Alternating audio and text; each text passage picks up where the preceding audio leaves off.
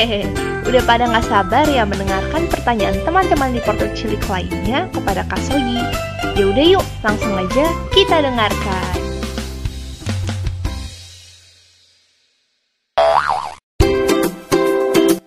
Selanjutnya Ursula, silakan. Apa passion Om Sogi? Passion. Ada yang tahu nggak passion itu artinya apa? Nggak tahu. Passion itu adalah keinginan yang paling, paling, paling, paling, paling, paling dasar yang pengen kamu capai dan kamu suka mengerjakannya. Kalau Om Sogi banyak sebenarnya passionnya, tapi mungkin lebih banyak di seni. Gara-gara kita di rumah aja, salah satu passion Om Sogi yang akhirnya bisa terwujud itu adalah membuat video musik. Jadi waktu Om Sogi tahun 2002 sama 2003 di Bandung masih siaran, Om Sogi ini uh, salah satu pekerjaannya di radio adalah menulis lagu. Jadi misalnya di radio nih ya, di radio ini misalnya bulan Ramadan seperti ini gitu. Nah ntar di radio tuh ada tema dalam satu bulan, temanya adalah Ramadan. Nah Om Sogi menemukan kembali lagu lama ini yang Om Sogi nyanyikan, yang Om, Om Sogi tulis, dan kemudian lagunya ini Om Sogi buat videonya. Kenapa dibuat videonya? Karena Om Sogi pengen lagu ini jadi terdokumentasi ya begitu jadi nggak dalam bentuk audio saja musik saja tapi juga bisa Om Sogi masukin di YouTube jadi uh, Om Sogi ini mengabadikan lagu buatannya Om Sogi ini untuk bisa jadi video dan dimasukin di YouTube. Jadi bisa Om Sogi tonton kapan aja. Om Sogi juga bagikan ini ke teman-teman Om Sogi yang dulu siaran sama Om Sogi di tahun 2002 untuk bisa mengenang kembali. Gitu sih. Karena waktu itu radio Om Sogi ini adalah radio remaja. Jadi ini temanya juga tema remaja ya, bukan tema anak-anak seperti itu. Nah, gara-gara menulis lagu ini akhirnya dari dari menulis lagu salah satu passion of adalah menulis lagu juga. Terima kasih Kak Oke. Sogi. Sama. Selanjutnya Abi. Kapan Om Sogi menjadi penyiar radio? Aku menjadi penyiar radio itu pertama kali itu tahun 1997. Waktu itu tuh dinosaurus masih ada ya. kalian belum lahir, kalian nggak tahu kan dinosaurus masih ada. Jadi aku tuh lulus SMA itu bulan Juni tahun 1997. Setelah lulus SMA, kan biasanya orang-orang lanjut kuliah nih. Nah, Om Sogi waktu itu tidak bisa melanjutkan kuliah karena waktu itu gagal diterima di universitas negeri. Kemudian Om Sogi waktu itu tidak daftar ke universitas yang lainnya. Om Sogi ini waktu zaman sekolah berasal dari keluarga yang kurang beruntung. Om Sogi nggak punya biaya untuk melanjutkan kuliah ke universitas swasta gitu. Jadi hanya daftar ke negeri dan tidak diterima. Waktu itu Om Sogi memutuskan untuk nganggur dulu setahun habis lulus SMA untuk menunggu pendaftaran tahun berikutnya lagi. Nah, sambil menunggu, Om Sogi ini banyak berkegiatan di rumah dan banyak mendengarkan radio. Ada satu lowongan nih di sebuah radio di Bandung namanya Radio OS, tulisannya OZ di Bandung. Dan Om Sogi mencoba untuk melamar untuk posisi penyiar di sana. Karena Om Sogi itu lagi nggak ngapa-ngapain. Eh, taunya keterima. Dan yang uniknya adalah Om Sogi itu ulang tahunnya tanggal 7 September 78. Lahirnya 78. Ah, sama. Aku Virgo 7 September. Wah, sama banget sama Mama Lia. Berarti Hmm. aku udah ketemu empat orang di dunia ini yang lahirnya 7 September. Ah, serius? Banyak? Iya. Satu Kalia, satu temen aku di MTV, Mm-mm. satu temen aku di radio, satu lagi temen aku di radio yang beda lagi. Wah. Ye, udah ada empat orang ini. Terus waktu itu tuh aku ditelepon, ya aku kan melamar kan. Waktu dulu kalau melamar pekerjaan tuh pakai kayak surat lamaran, kirimkan surat lamaran. Terus aku dapat telepon tanggal 5 September. Ditelepon, "Halo Sogi." Ya, kamu diterima untuk masuk program pelatihan di Radio OS. Kamu mulai training, mulai latihan tanggal 7 September. Jadi, training di Radio OS Bandung itu adalah hadiah ulang tahun buat aku waktu aku gitu jadi akhirnya aku masuk ke Radio OS training di bulan September tahun 97 Kemudian mulai siaran profesional itu di bulan November. Kalau penyiar itu dapat uangnya itu per jam. Ya. Jadi kalau kamu siarannya satu jam, misalnya kamu dibayar satu jam seribu rupiah gitu. Nah di bulan ini Om Sogi siaran 10 jam, berarti nanti gaji Om Sogi sepuluh ribu rupiah. Seperti itu. Kalau jam siarannya banyak, nanti gajinya banyak. Kalau jam siarannya sedikit, gajinya sedikit. Begitu. Bagaimana caranya supaya jam siarannya banyak? Kita harus berusaha menjadi penyiar yang banyak disukai sama pendengar. Karena semakin banyak disukai sama pendengar, makin bagus kita siaran, kita bisa ditempatkan di jam siaran yang lebih banyak. Oh, Itu awalnya Om Sogi siaran radio. Seru-seru. Terima kasih ya, Om. Ya, sama-sama. Silahkan Yova. Yova. Yova. Ah, udah bisa nih. Silakan Yova. Apa ho- hobi Kak Sogi? Eh, Om Sogi. Gak apa-apa, sama aja. Hobi, hobi itu hal yang dilakukan pada saat kamu punya waktu luang ya. Setuju? Tujuh. Dari dulu hal yang Om Sogi lakukan pada saat ada waktu luang adalah mendengarkan radio. Waktu seusia kalian SD-SD ini, Om Sogi sudah mendengarkan radio. Om Sogi mendengarkan ada sandiwara radio itu tuh kayak dongeng, kayak cerita bersambung. Jadi misalnya sandiwara radio ini adanya setiap malam pukul 8. Jadi setiap jam 8 aku langsung ke radio terus dengerin gitu. Kemudian aku makin besar lagi masih SD, rumah aku itu di deket deket lapangan softball, baseball. Jadi suka nonton softball dan baseball. Kalian tahu olahraga baseball, softball? Enggak tahu. Nggak tahu? Olahraga, olahraga softball, baseball itu olahraganya seperti ini nih. Aku seneng olahraga softball karena Right back Di dekat rumah, ada lapangan softball. Jadi ada yang melempar bola, ada yang memukul. Kalau kalian taunya kasti mungkin ya? Aku udah pernah main di sekolah. Udah Main pernah kasti. main? Oke. Nah, aku juga waktu itu pernah dan aku sempat bercita-cita juga menjadi atlet softball. Aku main softball dari SD sampai SMA. Nah, posisi aku adalah posisi pelempar bolanya. Namanya pitcher disebutnya. Kemudian yang hobi Om Sogi lagi adalah bermusik. Walaupun Om Sogi nggak terlalu bisa main instrumen alat musik, aku bisa paham bagaimana untuk menggunakan piano atau keyboard, organ, dan juga gitar dan sedikit drum. Kemudian ya Om Sugi akhirnya menuliskan beberapa lagu. Em, apalagi ya hobinya aku juga bisa masak. Aku di rumah lebih bisa masak daripada istri aku.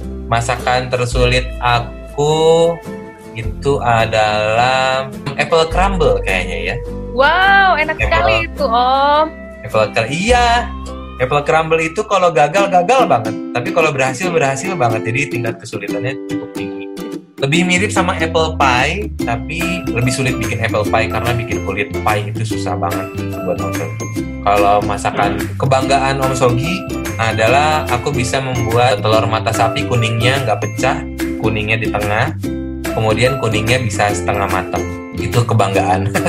Aku mau belajar itu, soalnya kuningnya sulit supaya nggak pecah dan di tengah. iya, ada triknya nanti diajarin. Oke oke. Itu sih hobinya terus em, tuh hobi paling baru olahraga sih. Aku eh, lari kemudian lagi diajak sama beberapa teman-teman untuk ikut triathlon. Dan Om Sogi kangen banget untuk bisa berenang untuk bisa lari dan untuk bisa naik sepeda. Om Sogi tapi nggak punya sepeda. Om Sogi kalau lagi latihan triathlon atau pertandingan kemarin Om Sogi pinjam sepeda. Karena kebetulan ada teman-teman Om Sogi yang sepedanya ada lebih dari satu. Itu sih hobinya. Oke. Tapi kok hobinya itu kok kayak sama kayak Yova ya? oh iya Yova apa hobinya Hobinya itu sih kayak mendengarkan radio atau bermain keyboard. Berarti kita sama nih hobinya. Ini masih banyak yang mau nanya, tapi waktunya udah jam 4. Om Sogi gimana Om? Oh nggak apa-apa, terusin Ya, aja. apa? Kalau mau, aku minum dulu ya. Iya, oh iya. enggak, enggak, enggak. Aku lagi puasa, enggak lagi. Kirain nggak puasa. Puasa dong. Oke, oke, oke. Kapan Sisko? Um, aku mau nanya, Mm. apa sih arti dari sogi? Kok nama Om Kak, kalau aku ingat nama Om, aku selalu ingat kue sagu. Sagu. Jadi banyak yang yang menanyakan Om Sogi tadi di awal bilang disangkanya ini tuh namanya nama penyiar. Kadang-kadang penyiar itu suka ganti nama loh. Kayak Om Sogi punya teman namanya Wawan. Waktu itu Om Wawan jadi penyiar juga di radio yang sama dengan Om Sogi. Bukan berarti nama Wawan itu jelek, tetapi kalau di radio itu seperti nama itu harus kalau bisa tidak umum gitu. Kenapa nama itu kalau bisa tidak umum? Karena di radio kita hanya mendengarkan suaranya saja kan. Gitu. Jadi pada saat menyebutkan nama, seperti orangnya hanya ada di radio itu. Kebetulan nama Sogi tidak umum, jadi waktu itu nama aku tidak dirubah oleh radio. Nama Om Wawan waktu itu kita meeting sama-sama mencari ide kira-kira nama Om Wawan jadi siapa. Akhirnya kita kasih nama Om Wiki. Om Wiki Adrian sekarang adalah pembawa berita di Berita Satu. Nama itu menjadi dibawa sampai sekarang saat dia membacakan berita namanya tetap Wiki Adrian. Sebenarnya Om Sogi nanya sama bapaknya Om Sogi, nggak ada artinya sih. Dia bilang namanya Sogi aja bagus, S O G I gitu. Kalau bahasa Inggris S O G G Y, Sogi itu artinya mengandung air. Kayak handuk bekas kamu pakai itu kan basah ya. Tapi kalau kamu peres nggak keluar air kan? Tapi handuknya basah kan? Beda lagi sama lembab. Nah itu kondisi sogi namanya. Gitu. Jadi banyak sih yang mempertanyakan nama Om Sogi artinya. Kalau Sisko tadi ingetnya sama sagu ya. Ya, Nah, tahun 80-an, 90-an itu ada tuh merek sepatu namanya Kasogi. Eh, bener deh. Udah lama itu Om, masih ada ya Om? Eh, sepatu Kasogi masih ada kok. Kasogi ini perusahaan apa namanya Korea kalau nggak salah. Nih aku liatin ya, ada beberapa sepatu. Mungkin di antara kalian ada yang mau beli. Nah ini sepatu Kasogi. Dijual, dijual di Lazada nih lihat ada. Nah ini Oh, sepatu masih sepatunya ada. masih ada. Jadi kalau misalnya mama papa kamu ini pasti kalau inget Om Sogi ingetnya sama sepatu Kasogi. Banyak yang mengingat aku kayak sepatu kaitannya. Gitu Sisko. Oke. Silakan Sisko. Kak, misalnya kakak nggak kerja di dunia entertainment, kalau gitu kakak sekarang ada di mana? Oh sekarang, hmm, aku juga suka membayangkan sih kalau misalnya Om Sogi ini nggak jadi Om Sogi yang sekarang jadi apa? Aku seneng nyetir, aku bisa jadi seorang supir sekarang, bisa supir pribadi, supir kendaraan umum seperti taksi atau bis, karena aku senang sekali nyetir dan melayani orang-orang. Kemudian pernah terpikir juga kalau Om Sogi saat ini menjadi seorang dokter. Karena pada dasarnya Om Sogi ini seneng untuk bisa melayani orang dengan bentuk komunikasi dan servis yang bisa Om Sogi kasih gitu. Om Sogi juga pernah membayangkan kalau Om Sogi tidak menjadi yang seperti sekarang ini, Om Sogi ini adalah pemilik rumah makan atau warung karena Om Sogi senang melayani. Kebetulan tante Om Sogi itu punya warung karena rumah kami berdekatan. Jadi di sini rumah Om Sogi, di sini rumah neneknya Om Sogi, di sini rumah tantenya Om Sogi sebelah sebelahan. Nah tantenya Om Sogi itu punya warung, punya toko. Warungnya ada dua, ada warung kebutuhan sehari-hari seperti menjual gula, obat nyamuk, kerupuk, dan juga dia punya warung makan. Dari aku SMP, aku udah bisa melayani warung makan dan warungnya tante ini. gitu. Jadi aku tuh bisa loh ngebungkus nasi seperti nasi bungkus. Kalau teman-teman mau coba punya warung nanti aku coba jadi pelayan. Kasih ya. Ya,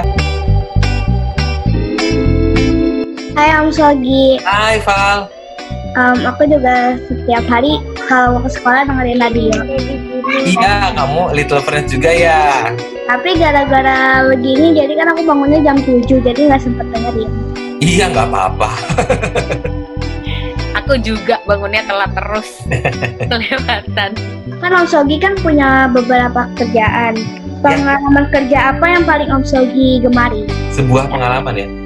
Pengalaman luar biasa di pekerjaan Om Sogi adalah di tahun itu tahun berapa ya? Sepertinya tahun 2011. Om Sogi dan beberapa teman itu membuat seperti drama musical. Waktu itu Om Sogi barengan sama Om Ronald, kemudian ada Tante Fitri Tropika, ada Om Indra Bekti, ada Om Ibet Ramadan, ada masih banyak lagi beberapa artis yang lainnya. Kita membuat drama musical. Aku nggak main, tapi di sana aku jadi produsernya. Jadi aku yang mengatur bekerja sama dengan produser musik. Aku bekerja sama dengan produser properti dan juga kostum. Aku bisa jadi kayak semacam sutradaranya. Si drama musikal ini ditampilkan di Jerman. Waktu itu ada sebuah kota kecil namanya Fusen. Fusen ini sekitar satu jam dari kota Munich di Jerman. Di sana ada sebuah gedung pertunjukan. Drama musikalnya dalam bahasa Indonesia karena penontonnya orang orang Indonesia semuanya di sebuah perayaan perusahaan yang memproduksi matras atau kasur di Jerman. Kemudian ya itu sangat membanggakan karena uh, Om Sogi nggak pernah nyangka bisa mengatur sebuah drama musikal di sebuah teater profesional di luar negeri. Yang seperti Om Sogi cuma lihat di film, kemudian ditonton ratusan orang. Dan di sana juga selain ada drama musikal, ada pemain akrobat dari Rusia, kemudian juga ada pemain oh ya magic dari Belanda juga. Jadi itu sangat membanggakan. Dan yang lebih menyenangkannya lagi, hanya 10 menit dari tempat gedung pertunjukan itu terdapat Istana Neuschwanstein. Istana Neuschwanstein ini adalah istana yang bentuknya itu menginspirasi Disney untuk membuat istana Disney. Yang suka kalau film Disney mulai terus ada istana kan, ada kereta, ada istana. Nah, itu diambil desainnya dari istana Neuschwanstein ya Kali tayang nggak di Indonesia? itu tidak ditayangkan, itu hanya bisa ditonton di saat itu saja. Cuman satu pertunjukan. Makasih Om. Sama-sama. Silahkan Vicky. Kalau Om Sogi lagi batuk atau serak, bagaimana cara ngomongnya tetap lancar saat rekaman? Pada saat siaran sih sebenarnya kalau sakit kita diberi izin untuk beristirahat, untuk tidak siaran. Triknya adalah kalau memang harus tetap siaran, kalau siaran berdua, Om Sogi akan lebih sedikit porsi bicaranya. Kalau kebetulan siarannya sendiri, Om Sogi sudah bisa mengukur sih apakah dengan kondisi batuk dan serak ini Om Sogi bisa siaran atau mengerjakan rekaman gitu. Kalau bisa apalagi dalam bentuk rekaman bukan live bisa diatur dengan bicaranya sepotong-sepotong kemudian bisa masuk ke dalam tahap editing yang menantang adalah pada saat kita harus live. Nah, yang Om Sogi biasakan adalah pada saat siaran live, Om Sogi selalu tampil apa adanya. Om Sogi kalau memang batuk akan batuk pada saat siaran live, bicara ngobrol, ngomong sama pendengar bahwa Om Sogi lagi batuk. Karena menurut Om Sogi, pada saat kita siaran apa adanya, tidak ditutup-tutupi, itu akan lebih terdengar wajar dan normal. Om Sogi yakin pendengar juga pernah batuk, jadi mereka paham dengan posisi Om Sogi yang batuk. Aku yakin mereka tidak akan kesal kayak kayak misalnya, ah apa sih ini? Kok orang batuk siaran? Mereka pasti lebih berpikir, wah kasihan ya Sogi lagi siaran tapi Sakit. batuk gitu, Dia lagi sakit. Lagi siaran tapi Dan mereka mungkin akan salut sama Om Sogi karena wow, walaupun Om Sogi sedang batuk, tetapi dia tetap berusaha untuk siaran. gitu. Jadi ada hal-hal di siaran yang kita harus tampilkan apa adanya karena kita menunjukkan kita juga manusia sama saja seperti kita. Kalau untuk batuk, yang pertama harus istirahat. Om Sogi kebanyakan batuk itu karena dua hal, karena kelelahan, sama satu lagi karena Om Sogi punya masalah dengan asam lambung. Gitu, asam lambung bisa bikin batuk juga.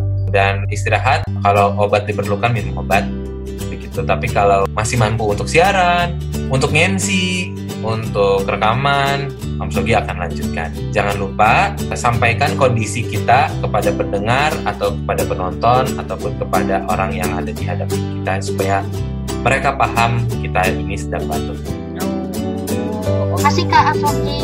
berarti Sama-sama. kalau kalau Tante Lisa yang banyak bicara itu bisa jadi karena Om Sogi lagi batuk gitu ya Om? Bisa, waktu itu juga pernah Tante Lisa yang batuk, Om Sogi yang lebih banyak bicara. iya, iya. Eh, tapi tapi biasanya kita bilangin kalau maaf ya kalau Om Sogi lebih banyak bicara Tante Lisa lagi sakit nih atau sebaliknya. Iya. Wah, keren-keren juga ya pertanyaan teman-teman reporter cilik bersama Kak Sogi.